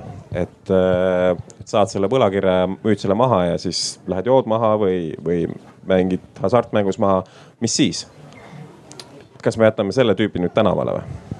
Eh, teisi sambaga tohib, eks ole, esimesega ei tohi, aga see selleks, et äh, mis ma tegelikult öelda tahtsin, mul on, mul on see punkt, et mis mulle ei meeldi, on see, et minu arust kõik ümberjagamismehhanismid peaksid olema avalikud, aga noh, täna kuidagi, kui aus olla, siis sinna esimese samba taha on peidetud, et äh, parlament jah midagi hääletas, aga inimesed ei saa aru, et tegelikult täpselt, et kui palju see kedagi reaalselt puudutas, et mingeid numbreid ei ole isiklikul tasandil, et sa saad vaikselt tegelikult ära võtta ühe inimese raha ja teisele anda. Vaadake, kui palju on diskussiooni progressiivse või mitteprogressiivse tulumaksu üle, et sellest kõik saaksid aru. aga nüüd vaikselt tehakse selliseid liigutusi. minu arust teine vaikne liigutus, ma isegi imestan, et äh, mõnel pool ilmselt tuldaks tänavale, et vaikselt otsustati, et pensioniiga ei ole enam kuuskümmend viis aastat, vaid on hoopis teine. Inimesed lihtsalt ei ole nagu ei pööra tähelepanu minu arust see on kurb ja kurb ja vale, et, et, et selles mõttes ma nagu tahakski natuke seda asja nagu lahti, lahti kiskuda ja nähtavaks teha. ja ma, ma veel kord ütlesin, et ei, ma ei arva, et inimesi peab tänavatele jätma nälgima ja surema. aga selleks, selleks uskuge mind, ei kulu väga palju raha, et neid, kes sinna nagu tekivad, et see on tegelikult suhteliselt väike kulu, et ma arvan, et see tänane peitusemäng ja, ja kogu selle suletud süsteemi ülalpidamine on tegelikult palju-palju halvem Te, Seeder, tahate seda esimese samba valemi muutmist kommenteerida? ei, ega mul väga palju ei ole kommenteerida, et eh, see eelmise Riigikogu koosseisus ajal ju tehti ja, ja muutus solidaarsemaks väga paljudele Riigikogu liikmetelegi, see ei, ei meeldinud ja ma tunnistan, et meie erakonna sees olid ka väga tõsised vaidlused, oli nii pooldajaid kui vastaseid. et see oli väga niisugune eh, keeruline ja raske otsus aga, aga ma olen nõus küll äh, sellega, mis härra Lõhmus ütles, et, et niisugused asjad peaks olema läbipaistvad, arusaadavad ka kodaniku tasemel. selles mõttes on riigieelarve kõige läbipaistvam osa loomulikult katuserahad ja eeskujulik, et see lahatakse nimeliselt kõikides lehtedes iga aasta. on teada, kes tegi ettepaneku ja selle raha kulg ka kuni kulutamiseni on avalikkuse ja meedia tähelepanu all, nii et see on tõepoolest kõige läbipaistvam osa riigieelarvest. kuulge, ma lõpetuseks küsiks, kuna meie aeg hakkab otsa saama, siis äh, ühes osas osas äh, te olete kõik eri meelt, et te ikkagi seisate selle eest, et pension säiliks, tulevikus inimeste sissetulekud oleks äh, võimalikult äh, suured, see proportsioon siis viimase palga ja, ja siis esimese pensioni vahel, et see ei oleks seal nelikümmend, vaid oleks, ma ei tea, viiskümmend, kuuskümmend, seitsekümmend, noh tõenäoliselt sajani vist ei jõua või on kusagil mingisugune erimeelsus või mõle? jõuab ikka. mina olen eri meelt, mina arvan, et inimene võiks ise ka otsustada, kui suur see peab olema, et kui keegi ikkagi ütleb, et ta on nelikümmend on piisav ja milleks sundida teda seitsekümmend võtma. et see ülejäänud elu ta peab selleks midagi tegema, et ma, ma arvan, et ka siin peaks olema otsustusõigust. see nelikümmend protsenti tegelikult sellest, sellest võiks veidi rohkem rääkida et, äh, et see mõõdik üldse, milles me oma pensionit mõõdame, et, et kui hea see on. ütleme, et see on ainult sellest, et äh, mitu protsenti pension moodustub keskmisest palgast või sinu eelmisest palgast. et see on ka nagu ikkagi vale mõõdik, et äh, tõstame maksukoormuse kõrgemaks, võtame palku väiksemaks, kehtestame maksimumpalga, mitte miinimumpalga. toome palgad alla, pensionid jätame samale tasemele ja siis on asendusmäär sada protsenti. kas see on eesmärk? no see ei ole eesmärk, me optimeerime valet asja. meid, meid huvitab see, et äh, elu läheks kogu aeg paremaks ja kui täna on äh, äh, pension kaks äh, absoluutset vaesusmiinimumi, siis neljakümne aasta pärast on see viiekordne mis tähendab, et elu, sa saad kogu aeg rohkem ostma, su elukvaliteet kogu aeg paraneb. isegi siis, kui rahvastik vananeb, isegi siis, kui on lapsi vähem. et äh, paanikaks ei ole põhjust. nii Sutt ja Seeder ja siis tõmbame joone alla no siin on nagu palju häid äh, soovitusi kõlanud ja ma arvan, äh, noh üks, et see arutelu oleks arusaadav ja läbipaistev, on nagu kindlasti nagu hästi mõistlik. et mis on ühe või teise valiku mõju noh tänasele pensionärile ja homsele pensionärile. ja nii nagu siin proua õieti äh, vahepeal hõikas, et, äh, et te räägite pensionitest, aga te ei räägi sellest, kust raha tuleb. noh raha, no sellepärast ma demograafiat hästi palju ka rõhutasin. et raha tuleb tööealiste elanike ehk palgasaajate poolt makstud maksudest. kui palgasaajaid jääb vähemaks, siis on vähem raha, mida ümber jagada. et see on nagu hästi-hästi lihtne, seal ei ole mingit raketiteadust taga.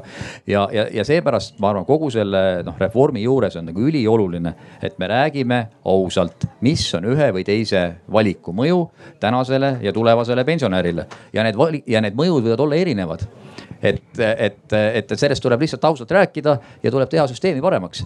et see, ma arvan, on kõige tähtsam. nii.